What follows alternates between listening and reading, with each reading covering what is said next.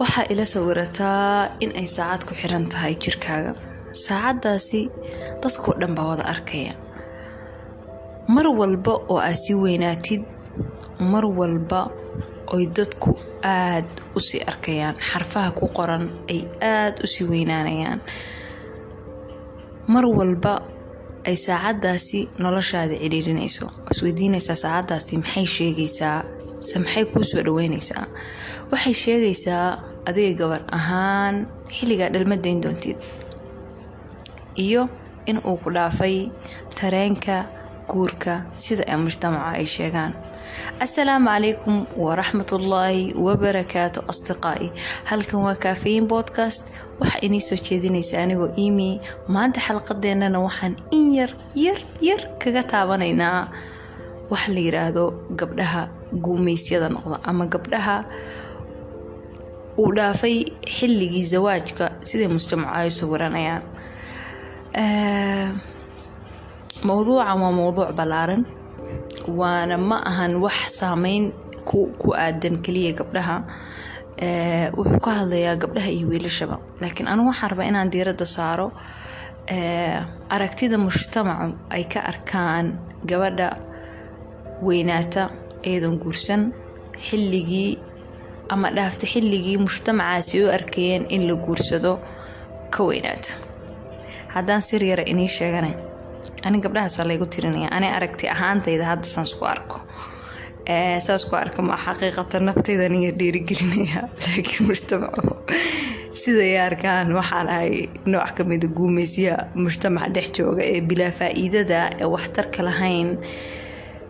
Saacadoodu qof walba arkayo dhahayo allah maxaa u guursan la-dahay?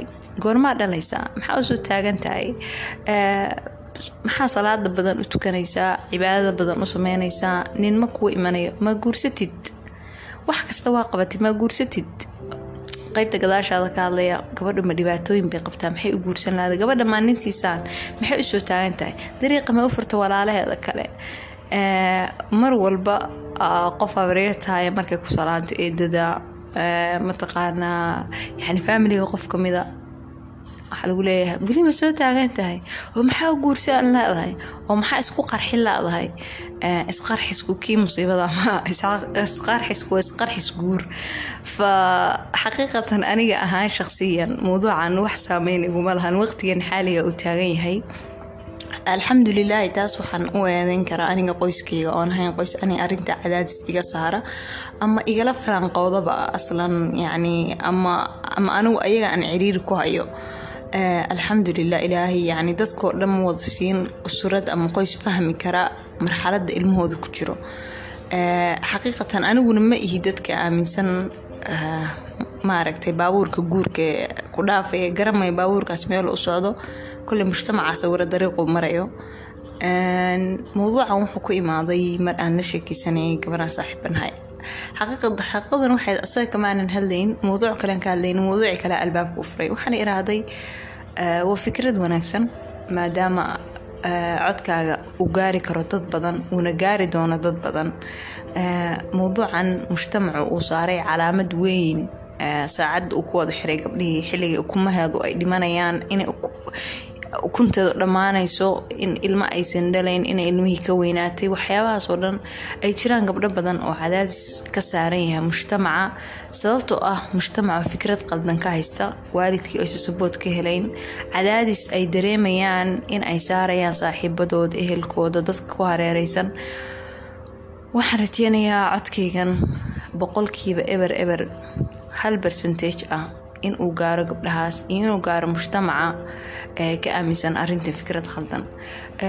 Horta guur la'aantu waa wax dhibaato weyn markaan akhrinayay yani oo haysata mujtamaca muslimka. Ah asbaabtiisuna way tiro badan tahay laakiin anigu waxaan ku soo koobayaa shan sababood baan ku soo koobayaa. Sababta ugu horeysa horta waxay tahay dhaqanka midda labaad waxay tahay qoyska gabadha midda saddexaad waxay tahay gabadha nafteeda. Midda afraadna waxay tahay ragga markaa gabadha mujtamaca ay ku nooshahay wiilasha mujtamaceeda. Midda shanaadna waxay tahay social media. Horta sideeda guurku waa irsaaqad. Yacni irsaaqad ilaahay bixiyo. Soo ilmuhu irsaaqad maahan cuntada cunaysa irsaaqad ma ahan waxbarashadaada wax walba qofka ilaahay uu siiyo waa irsaaqad. Waa wax ilaahay uu bixiyo bili aadan uusan bixin karin.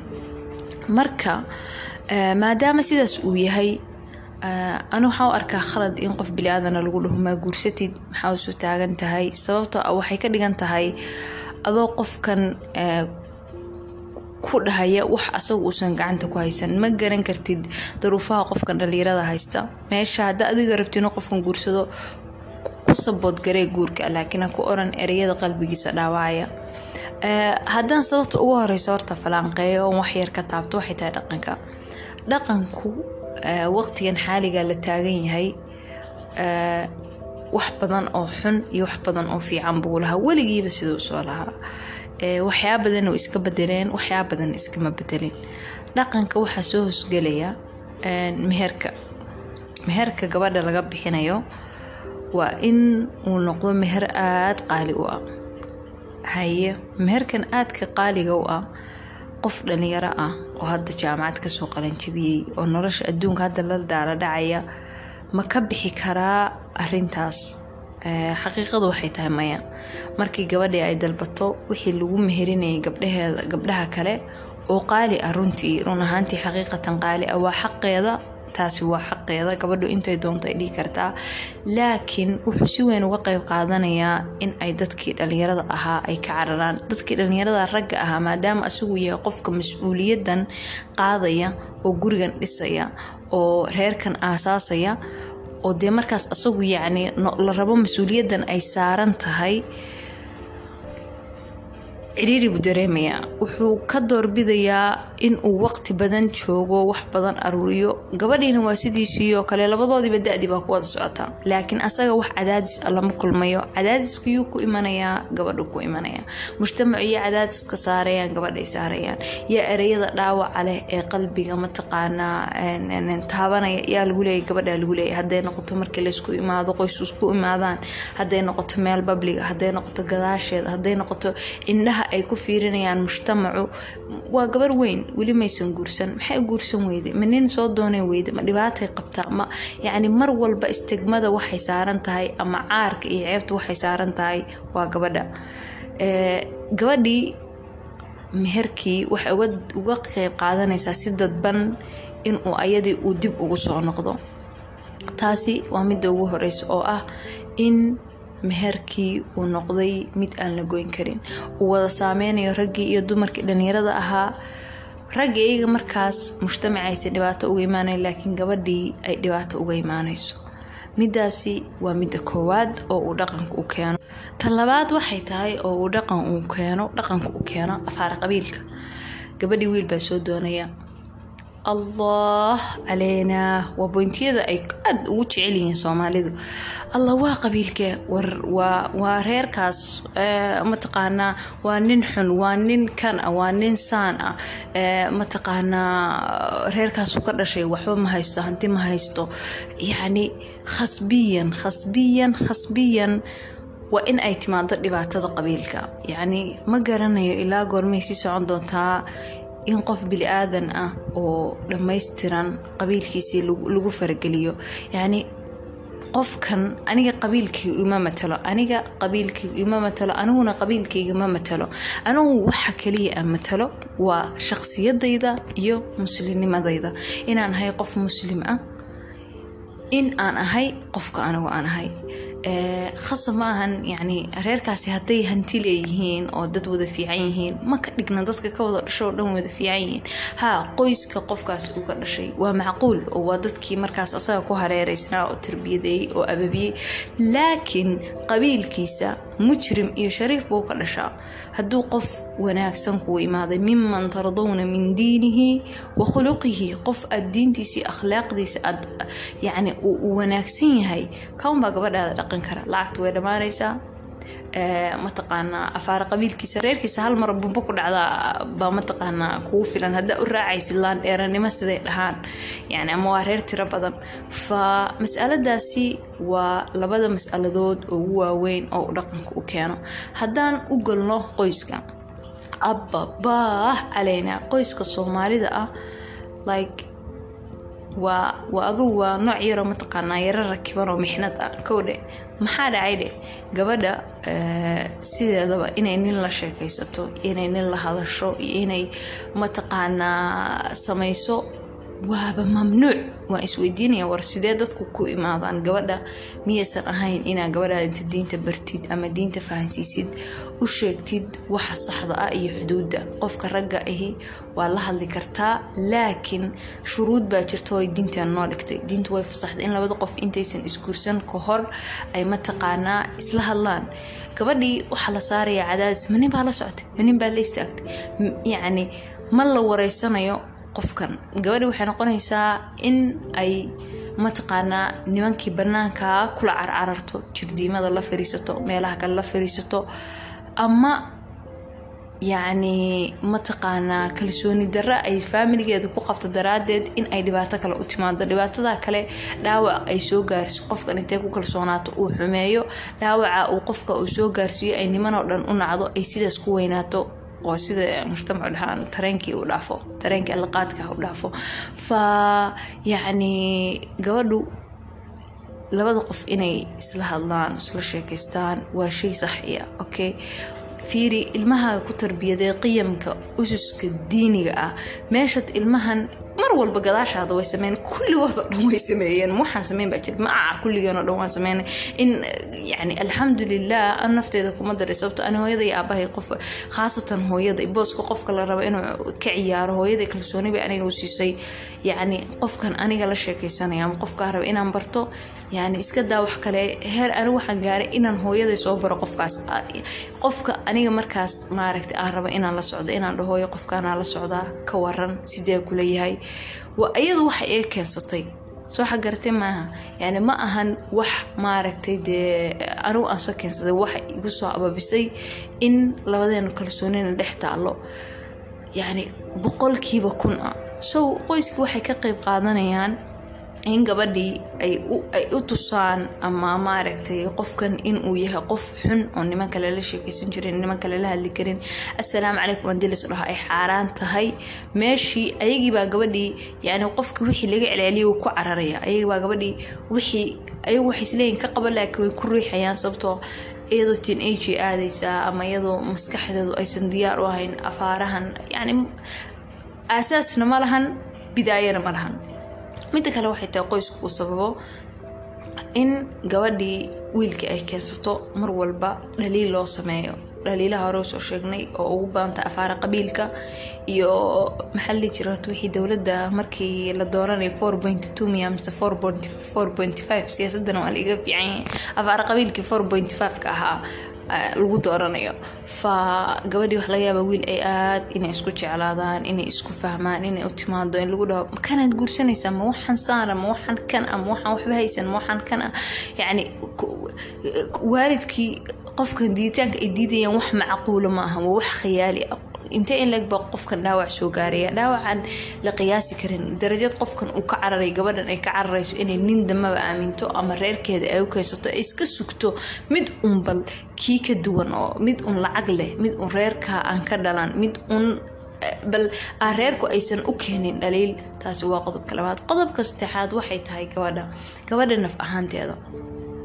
Yacni gabadhii markii ay waxbaranayso ani ahaan haddaan fiiriyo nafteeda ani waaga waxbaranayay waxaa aaminsanaa qof haddaan xilligaa guursado in qofkan iga hor istaagay waxbarashadayda waana wax jirta. Laakiin waxa dhacda in badan aan arkay khaasatan soomaaliya ku arkay gabdho badan oo waxbartay oo yacni hooyooyin ah. Waana arrin aan aad iyo aad aan ugu jeclaaday wadanka waana arrin baraarujinteeda leh. Haddii aad gabadhi ay hesho qof mataqaanaa maaragtay ku taageeraya waxbarashadeeda. Hooyana way noqon kartaa qof waxbartayna way noqon kartaa. Laakiin fikradaasi nagama dhaadhacsana waana sababta gabdho badan ay mataqaanaa aysan u guursan. Laakiin anigu taladeeda waxaan dhihi lahaa guurso sababtoo ah waan ogahay waa cadaas badan iyo mas'uuliyad badan laakiin gabadhii rabta inay guursato ha guursato. Laakiin mowduuceen maadaama uusan hayn inaan arinta xal ka keeno ee arinta dhibaatooyinkeeda aan sheegno taasi waa mid oo gabadha xilliga waxbaranaysay waxay u arkaysaa inuusan guurku munaasib ahayn boqolkiiba sagaashan gabdhuhuna saasay u arkaan. Midda labaad waxay tahay in gabadhii markii ay shaqo ay shaqadeedii ka doorato guurkii. Sababta uga dooranaysana mataqaanaan waxay tahay gabdhuhu ani aragti ahaanteyda way ka mas'uuliyad badan yihiin ragga. Waxaa taa keenaysana naxariista ilaahay ku abuuray. Gabadhu waxay u fakartaa inka badan wiilka siduu u fakaro. Ninka ragga ahi waxbuu la kala haraa yacni maanta hadduu lacag soo qaato lacagta hooyadii farta kama wada saarayo laakiin anagu hooyadan baa farta ka wada saaraynaa waalidkan farta ka wada saaraynaa asagoo qeyb buu la haraya naftiisa mataqaanaa uu ku kabayo laakiin anagu sidaa mani ani gabdho badan baa saaxiiba la-ahay gabdho badan baan arkay kulligoodoo dhan hadday jiraan shaqsiyad ama dabeecad ay ka saman yihiin waa dabeecadda in ay naftooda ka horumariyaan qoysaskooda yacni aniga gabdho saaxiiba waxaan lacagta ay qaataan keliya shaqadaas yacni tirada badan ee ay shaqeynayaan waqtiga tirada badan iyo dhibta intaa leeg ayaga waxaa laga yaabaa inay uga soo harto lacag yar yar yar oon waxba aysan ku qabsan karin. Laakiin waxay shaqada ugu jiraan dhibta ugu adkeysanayaan waa siday u kabi lahaayeen faamiligooda waa siday u noqon lahaayeen dad waxtar leh. Gabadhii marka shaqadii markii ay rabto inay reerka waxu qabato reerka waxu tarto way la tagaysaa waqtigii waxay arkaysaa iyada uu la tagay. Taasna waa mid ka mid ah in ay gabadhi ka qeyb qaadanayso in ay maaragtay da-dii la sawirtee mujtamacu sawirteen ay dhaafto. Wax khaladana kuma jirto mana ahan khalad sababtoo qofku hadduu arko arinta uu qabanaya inuu ku saxan yahay nafsiyadiisuna murtaax ku tahay dadkiisana wax ugu tarayo waxbaa ugu taraysaa. Midda kale waxay tahay saddexaad mas'uuliyadda gabadha waxbaratay gabadha markay waxbarato ani ahaan haddaan naftayda aan ka hadlo mas'uuliyad badan baan dareemayaa oo ku aadan in aan qoyskayga wax u taro oo aan ayaga siiyo waqtiga ugu badan ee mataqaanaa aan wax qabto. Sababtoo ah laba mas'uuliyadood iskuma qaadi kartid oo ah mas'uuliyaddii in qoyskaagiina aada wax u tartid qoyskii yacni qoyska adi qoyskaaga yani ninkaagi caruurtaadina wax u tadhid reerkiina wuxuu tadhid waa laba mas'uuliyadood aada u weyn. Calal waxaan ku fakaraynaa inteena waxbaratay inaan ugu yaraan reerka wax u qabanno kadib marka anagu nafteena aan u fiirino. Taas waa ani waxaas dhihi karaa saddexda qodob oy gabadhu kaga qeyb qaadan karto. Qodobka afraadna waa ragga. Oo lalaa ragga soomaalida. Horta mar walba ficnay wax la dhaliila kowdhe laakiin waxaa moodaa ayagu inay qeyb ku leeyihiin in mataqaanaa gabadhu ay maaragtay ay dhaafto sababto ah dhaawaca ay noo geysanayaan. Gabadhii markay aragto gabar sideediioo kalaa oo nin intuu soo furay aan ilmihii ku biilayn oo ilmihii maaragtay aan la haynayn oon la caawinayn waan cararaynaa. Kulligeen oo dhan waxaan ka cararaynaa in aan ku noolaano masiirka gabadhan walaasheena ay martay. Waxaan kulligeen u dadaalaynaa inaan u istaagno nafteena. Saan ugu nool yacni aanan u dareemin aanan u arkin dhibaatada gabadheen oo kale ay maaragtay ay ay martay. Hadda maalin dhaweyto safar soo ahaa. Waxaan ii sheegayaa tusaale yar. Maalin dhaweyto safar soo ahaa waxa ila socotay gabar yacni run ahaantii da ahaan anoo kale way ahayd haddaysan iga yareynba haddana saasoo kale waxay wadatay laba ilmood laba gabdhood. Labadaa gabdhood mid waxay ahayd ilmo mataqaanaa ilmaha baahida gaarka ale bay ahayd midna ilmo yar bay ahayd. Hooyadaas keligeed baa safar ku soo jirtay wuu soo furay yacni xaaladda ay ku jirtay inagama sheekeyn karo.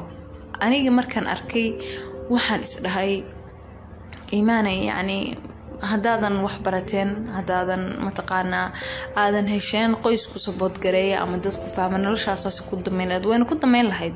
Mana ku xirna keliya waxbarasho ay waxay ku xiran tahay yacni wadanka dowladda ka jirta oon xaq naga siinayn nimankii. Waxa weeyaan markii gabadhii la isguursado sanadadii ugu horeysay waa maasha allah waa laisla boodayaa laakiin meesha waxaa imanaysa markuu furitaan imaado ninka carruurta kuu silcinaya wallahi waana xaalad aada u badan yahay barsentajkeedu hooyada ayaa ilmihii korinaysa. Aabihii yacni xaasidnimo uu ka qabo ilmihiisa ma fiirinayo dowlad kaa dhicinaysana ma jirto. Yacni iska daa wax kale diintu waxay sheegaysaa ilmahaaga gabadha markii xaaskaaga kuu nuujinaysa ilmahaaga nafaqa nafaqay kugu leedahay. Yacni nafaqay noqonaysa iska daa wax kale. Ka waran haddii aysan jirin dowlad kaaga dhicinaysa ninkan inuu ilmihiisa bil walba biilkiisa soo siiyo mas'uuliyadiisa ka soo baxo ma jirto. Mid kaleu guursanaya ama wuxuu kuleeyahay daartu inaa biil ku siiyo oo inaad mataqaanaa isku soo noqono yani nooc ka mid ah guumeysiga haye. Markaad aragtid waxaa nolosha yani ka jira ama mujtamaca siduu u dhaqmayo ama ninka raggaas uu dhaqmayo waad ka cararaysaa inaad nin aamintid. Waxaa kaloo meesha taalo waxay tahay furitaanka oo batay yani waxay dhahaan soomaali soddon ku guursilic ku nool soddon guursataa dhaanta. Markaad aragtid xaaladda furitaanka ee xadka ka baxsan annaga keliya maahan laakiin adduunka oo dhan ma aaminaysid qofkii ragga ahaa. Dhammaantii niyadda waxaa naga soo gashay.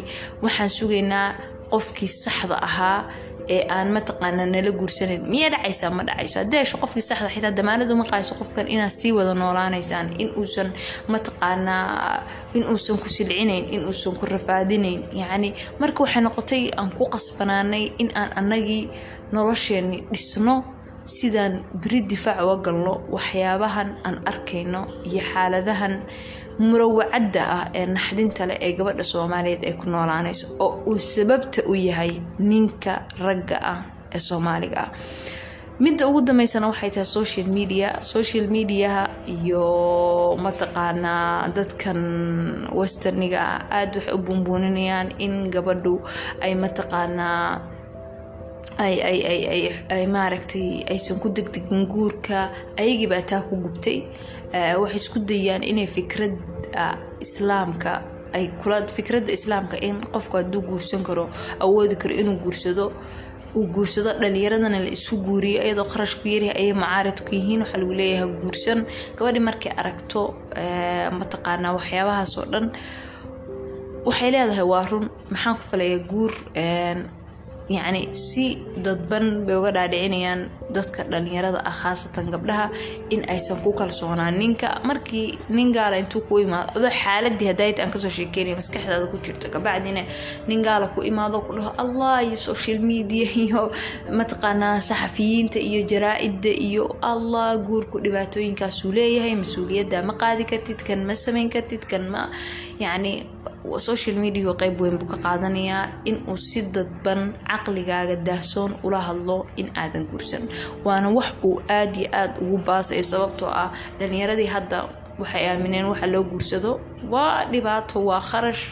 Fa aska baashaalno guurkan aan gadaal uga dhigano marka shantaas waa shanta saboorta ugu waaweyn oo keena in mataqaanaa gabadhu markii laga soo tago qadarta ilaahay in gabadhu ay mataqaanaa ay ku raagto ama sida iyagu sheegayaan uu dhaafo tareenka.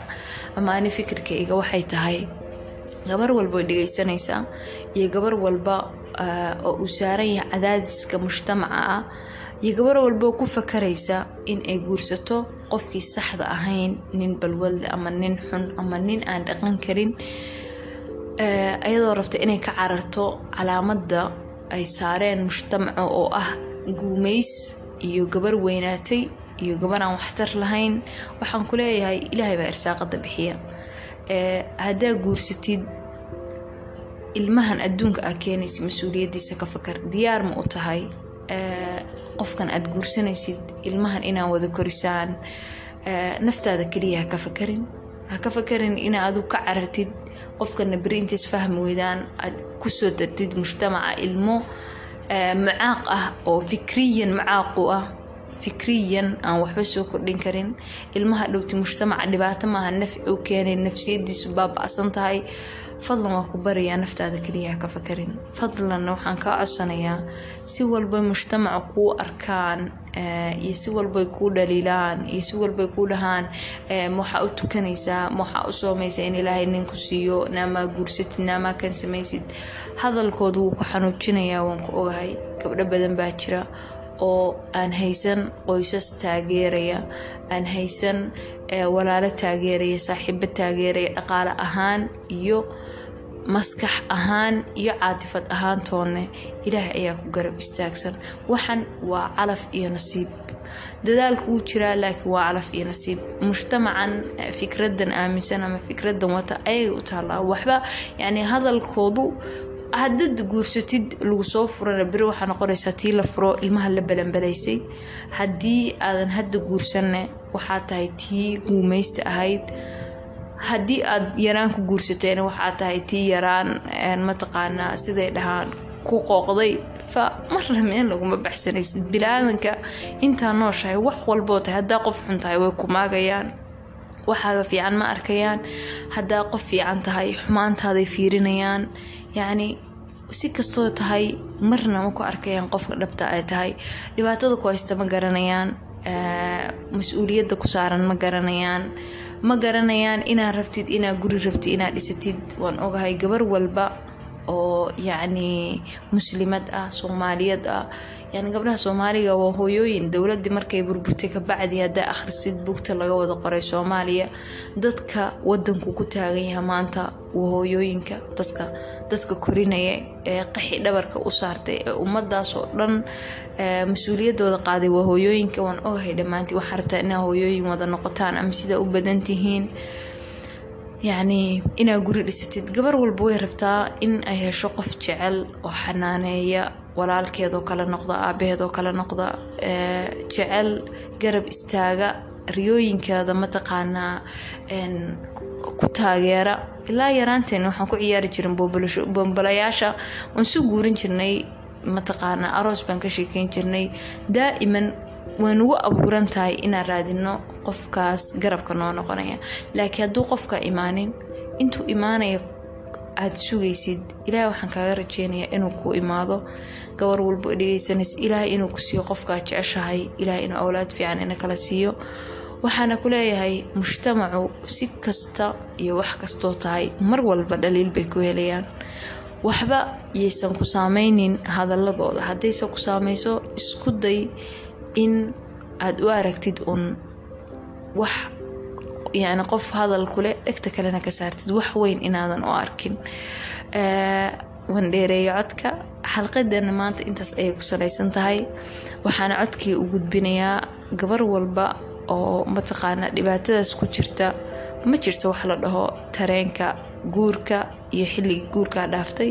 Irsaaqad weyaan irsaaqadan ilaahay kaliyahaya intaa xalqadan xalqadeeda kale ku kulmi doono waxaa inaga tegayaa sidaas. Wasalaamu calaykum waraxmatullaahi wabarakaatu